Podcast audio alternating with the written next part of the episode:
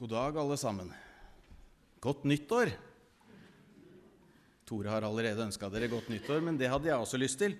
Det som eh, er fint når vi går inn i et nytt år, er at vi er jo egentlig fortsatt ikke i den aller mørkeste delen av året. Samtidig så føles det egentlig ut som at ting snur i dag, og at ting blir litt lysere, selv om det fortsetter å være mørkt ute, fordi at vi er så flinke til å tenne lys rundt oss og inne. Og i dag har vi også tent det første lyset. Og Jeg veit ikke om dere har tenkt på det når dere slår på lysbryteren inne i et eller annet mørkt rom, så er det faktisk sånn at lyset vinner hver gang du skrur på. Det er ganske fantastisk. Og det er det lyset som vi skal snakke om også videre i dag. Vi skal lese fra Matteusevangeliet, eh, kapittel 21, vers 1-11, i Jesu navn.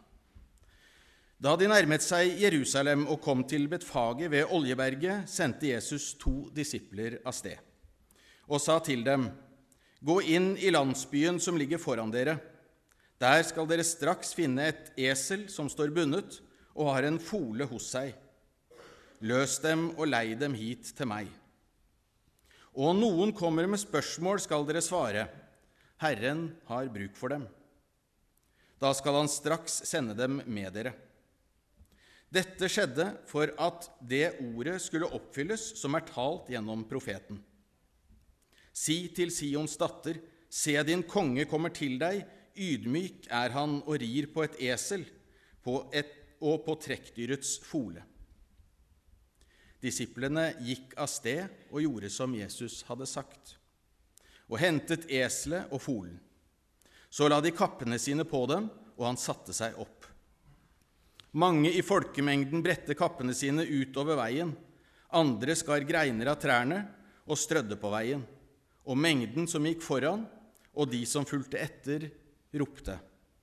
Hosianna, Davids sønn, velsignet er han som kommer, i Herrens navn. Hosianna i det høyeste. Da han dro inn i Jerusalem, ble det uro i hele byen, og de spurte, Hvem er dette? Og mengden svarte, det er profeten Jesus fra Nasaret i Galilea.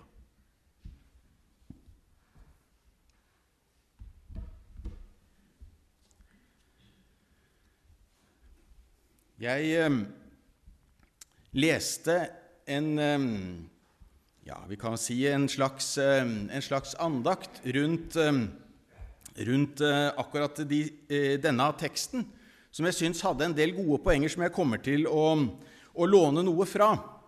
Eh, det er jo sånn at ehm, ehm, eh, når vi eh, møter denne teksten om Jesus som gir inn i Jerusalem, så kan jo det utløse veldig mange forskjellige tanker og, og også faktisk følelser. Um, og det er litt sånn også, også, for meg. Så den første delen så kommer det kanskje til å handle en del om denne kongesangen som, eh, som, vi hører om i, eh, i, teksten i dag. For det er nemlig sånn, i hvert fall så er det sånn jeg tenker, ofte så er det kanskje presten som sier disse orda i, i eh, en gudstjeneste eller i andre sammenhenger, så sier ofte presten 'Ære være Faderen og Sønnen og Den hellige ånd', som var, er og skal være en sann Gud fra evighet til evighet. Og Vi skal også se på denne kongesangen som både var, er og som skal komme. Jeg veit ikke om du har vært i Holmenkollen noen gang når det har vært hopprenn og 50 000 stykker sitter og venter på at hopperne skal sveve utover. Rett før det skjer, så er det ofte sånn hvis kongen skal på besøk dit eh, I hvert fall så var det sånn den gangen jeg var der, at kongen skulle komme. Så er det også idet kongen stiger inn på sin plass, så starter også folket å synge kongesangen. Og De spiller opp, for det er så stas at kongen kommer for å se på hopprenn sammen med oss. Og det blir en, en, skikkelig sånn flott og fin sang som eh, til ære for den kongen som kommer, eh, sånn at eh, han også skal føle at, at han, han, er velkommen dit. Og vår kongesang den har også røtter kanskje en 300 år tilbake i tid. Men den kongesangen som vi møter i teksten i dag, som de synger når Jesus rir inn i Jerusalem, den har aner langt, langt lengre tilbake enn vår kongesang. Den har nok sikkert vært synget i ganske mange århundrer før den blir synget når Jesus går inn i Jerusalem. Det var nok sånn i Det gamle testamentet at eh, Gud, han, Herren, var Israel sin konge. Og de tenkte at han bodde og holdt til i tempelet i Jerusalem. Det var på en måte hans slott her på jorda. Og Derfor så var det sånn at når de kom til dette slottet, til der hvor de tenkte at her bor Gud, da sang de en kongesang når de skulle gå inn gjennom tempelets porter. Til ære for kongen som bodde der. Og Mange av de sangene som ble synget, de finner vi igjen i Det gamle testamentet, kanskje spesielt i Salmenes bok. F.eks. i Salme 118 så finner vi fra vers 24 følgende.: Dette er dagen som Herren har gjort. La oss juble og glede oss på den. Herre, frels. Herre, la det lykkes. Velsignet er Han som kommer i Herrens navn. Og Den strofen har sikkert israelittene synget gjennom hundrevis av år som en slags kongesang på vei opp til tempelet, der de tenkte at kongen holdt til der han bodde. I dag hører vi om at Jesus rir inn i Jerusalem, og de ikke bare synger kongesangen, men de kapper greiner av trærne, legger kappene sine på veien. Det er noe helt spesielt som er i ferd med å skje. Men de synger likevel den samme kongesangen som de sang for og hadde synget gjennom hundrevis av år. Hosianna, Davids sønn, velsignet være Han som kommer i Herrens navn, Hosianna i det høyeste. Kongesangen som var. Kongesangen som på en måte alltid har vært der. Kongesangen som kommer fra evighet. Det er det første. Det andre er den kongesangen som faktisk er. Det blir fortalt Det må nok være en eh, historie som er eh, ikke helt ny på dato, for siden denne gangen så har jo dronningen i England gått bort. Men det hendte, er det noen som sier, at kongefamilien med dronningen plutselig en dag kunne stille opp i teatret og se en forestilling uten at det var varsla. Det var helt uventa at på en måte dronningen skulle komme inn og være sammen med dem den dagen. Og når de i publikum oppdager at dronninga har kommet, så går det en sånn slags hvisking i, i benkeradene mellom folka. The queen is in the audience. Dronningen har kommet. Det er liksom noe stort ved at dronningen faktisk er til stede her, nå, sammen med oss. Det skulle jo også kanskje mellom oss, kanskje spesielt på søndager hvor vi feirer nattverd sammen, også gå et sånt slags sus i benkeradene nedover i Granli kirke når eh, vi innbys til nattverd, og, og, hvor vi på en måte kan si til hverandre Kongen er her. Han er sammen med oss. Han er nå. Han, det er ikke bare den som var, men han faktisk også er. Derfor så synger vi også kongesangen i den forbindelsen i kirken når vi feirer nattverd. Hellig, hellig, hellig er Herren Sebaot. All jorda er full av Hans herlighet. Hosianna i det høyeste. Velsignet være Han som kommer i Herrens navn. Hosianna i det høyeste.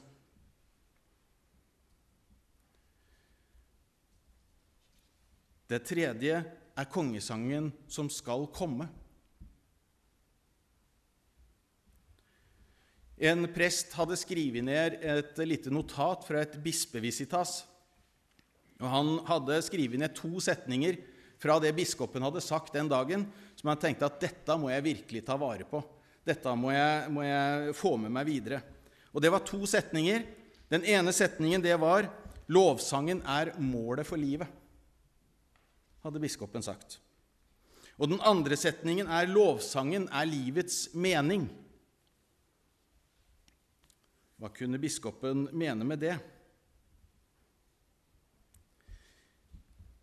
Han ville vel si at når vi bøyer oss og tilber Gud, som er vår konge, da er det vi oppdager sjølve livet.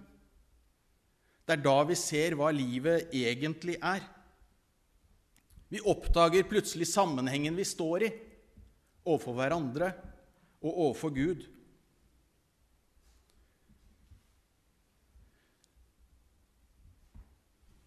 Vi bøyer oss for den evige kongesangen når vi er på vei mot målet og tenker på den sangen som en gang skal komme. Og i, På siste eh, side i Johannes' åpenbaring står det eh, Der Johannes får se sitt syn, ikke sant? Eh, og får se liksom framover hva som skal komme. Så konger, kommer også kongesangen tilbake igjen. Så hørte jeg noe som lignet et stort og mektig kor i himmelen. De sang halleluja, seieren og æren og makten hører vår Gud til. Herren vår Gud, den allmektige, har blitt konge. La oss glede oss og fryde oss og gi Han æren. Igjen møter vi kongesangen. Og jeg tenker at det er utrolig flott å stå i Holmenkollen og synge kongesangen sammen med 50 000. Men så tenker jeg, tenk på den sangen som kommer en gang når vi skal samles der hjemme, og når vi skal få møte Han sammen med myriader av andre folk, og vi skal stemme i den evige kongesangen som var, og som er, og som kommer. Det tenker jeg også advent handler om, å minnes at Jesus eh, kom, at han er her, og at han skal komme. Det er på en måte adventstidas sang. Så med, med, den sangen så tenker jeg vi på en måte kan eh, gjerne ønske hverandre god advent og godt nytt kirkeår.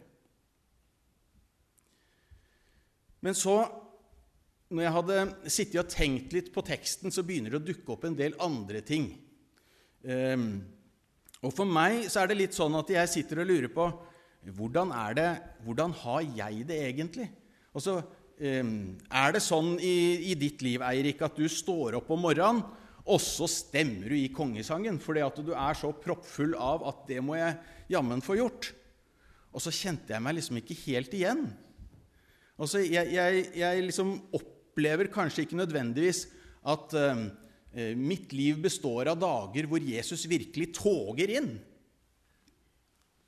Det er liksom, eh, Jeg kjenner meg liksom ikke helt igjen. Burde det ikke vært sånn, tenker jeg når jeg faktisk har fått tatt del i det Jesus har gjort, så burde det jo absolutt være sånn. Eh, jeg veit jo om folk som til og med eh, Og det kan ikke jeg eh, nødvendigvis si, men jeg veit om folk som kan si akkurat på tidspunktet de møtte Jesus, og som har hatt en fantastisk opplevelse av det å virkelig bli fri og frigjort. Det har liksom egentlig aldri jeg hatt. Jeg har liksom alltid på en måte levd i det. Jeg har alltid trodd på det.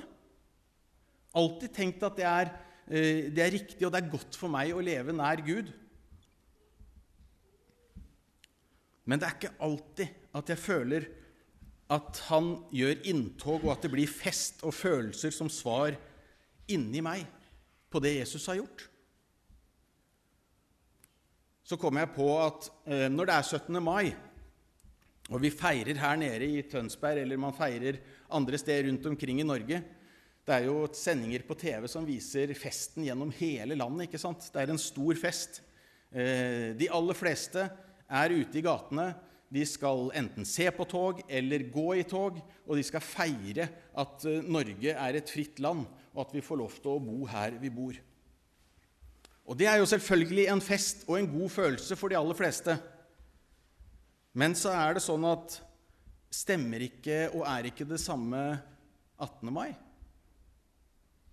Eller 24. mars? Jeg bor jo akkurat i det samme landet, gjør jeg ikke det? Men jeg føler ikke nødvendigvis 24. mars som en fest, sånn som jeg gjør nødvendigvis også med 17. mai. Og kanskje kan det også faktisk være sånn at ikke alle kommer til byen 17. mai fordi at de har det kanskje for vanskelig med det å møte andre og eventuelt ta imot den gleden som det er. Jeg har lyst til å si at vårt medlemskap i Guds rike ikke kommer an på annet enn det passet du har med deg. Det kommer ikke an på hvordan du føler deg i dag eller i morgen. Guds rike handler om at vi tror på Han, og at Han både var, er og kommer. Det er egentlig litt sånn krevende ting for alle, tenker jeg, og kanskje ikke minst for de unge. Nå er jo ikke de unge overrepresentert i Kirken i dag, men allikevel så tenker jeg at det går an å si litt om det. Fordi at det å være ung i dag, å være ærlig med seg sjøl på hvem man er, det er ikke så veldig enkelt. Og vi kan merke det, vi òg. Hvis, hvis jeg blar opp min Facebook-profil, f.eks., og så ser dere gjennom den, og så ser dere hva er det Eirik har liksom vist fram fra livet sitt det siste, da finner dere veldig, veldig lite også. Men dere finner kanskje en god opplevelse av en tur i skogen etter kantarell. Det tror jeg dere finner. Og så finner dere kanskje noen andre sånne gode ting. Og så viser jeg egentlig bare fram det gode, det bra. Det som liksom ser så ordentlig og fint ut, viser jeg fram. Men jeg viser ikke fram et ærlig bilde av hvem jeg er. Veldig mange unge i dag tenker at de må være superhelter. Fordi at alt ser så bra ut hos alle andre. Kanskje spesielt på nettet og på sosiale medier. Jeg har fulgt med på en serie på TV som heter Tropp 1. Jeg veit ikke hvor mange av dere som har fulgt med på den. Men det handler også om en gjeng med ungdom som blir satt inn i et system i militære rammer, hvor de får eh, helt faste rammer å forholde seg til. Eh, og så får de eh, god oppfølging fra befalet på veldig mange områder. Felles for de ungdommene er at de sliter med å få litt sånn struktur på livet sitt. De sliter kanskje med å stå opp om morgenen og komme seg opp. De sliter med kanskje sjølbildet. Eller det kan være mange andre forskjellige ting. Noen har sosial angst eller andre ting.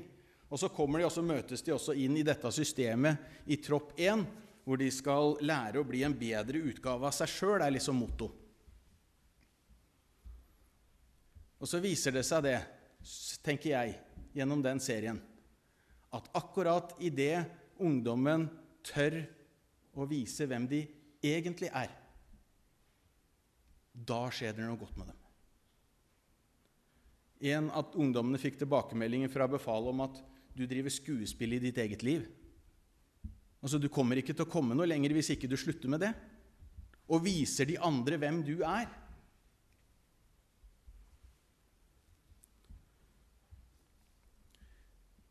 Det er mange som tenker at burde jeg ikke opplevd mer? Burde jeg ikke hatt andre følelser?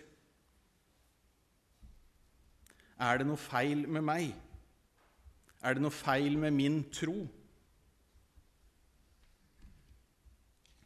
Det kan være vanskelig når ting ikke alltid på en måte er en fest eller ser ut som en fest. Og jeg tenker absolutt vær glad for alt det gode du opplever. Og jeg tenker at jeg i mitt liv også får gode opplevelser gjennom å tro. Men det er ikke sånn hver dag. Jeg tenker at det er viktig at vi, også vi voksne, tør å virkelig være oss sjøl. For hvis ikke så blir det fort gjort at det er vi som prøver å bære troen vår, og ikke troen som bærer oss. Og det var sånn Jesus hadde tenkt det. For Gud skapte nemlig ikke superhelter, men mennesker.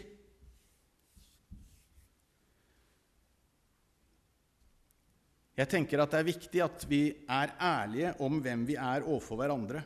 For det å være menneske overfor mennesker, i hvert fall hvis jeg skal snakke for meg sjøl, det kan ofte handle om å fremstå. Det er lov å være usikker. Det er lov å vise svakhet og utilstrekkelighet. Det er kanskje godt for andre til og med å se at det kan være sånn. Både her, i menighetssammenheng, i skolesammenheng, i samfunnet ellers. Vi er skapt til et liv sammen med ulike evner og gaver, hvor vi alle sammen har en plass på hans legeme. Ikke fordi vi er like og skal få til det samme, ikke fordi at vi alle sammen skal oppleve ting likt, men fordi at vi sammen skal kunne få eh, være med i det livet som det handler om å være eh, en del av, eh, av Jesus. Armer og bein er ganske forskjellige. De gjør forskjellige ting. Et arm må innrømme at det er vanskelig å skyte en ball like langt som et bein, osv. Eh, vi er også et, et felles legeme som er ment å stille opp for hverandre og fylle hverandre ut til nytte for hverandre, til glede for hverandre og til ære for Gud.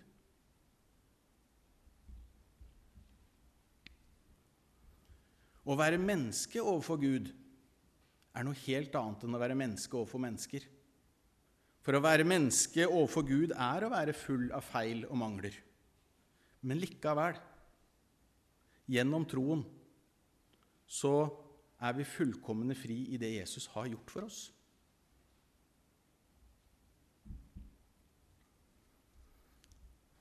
To små eh, blikk til slutt. Det var en eh, av lærerne på skolen som satte på en åpning på morgenmøtet vårt her om dagen fra en NRK-andakt.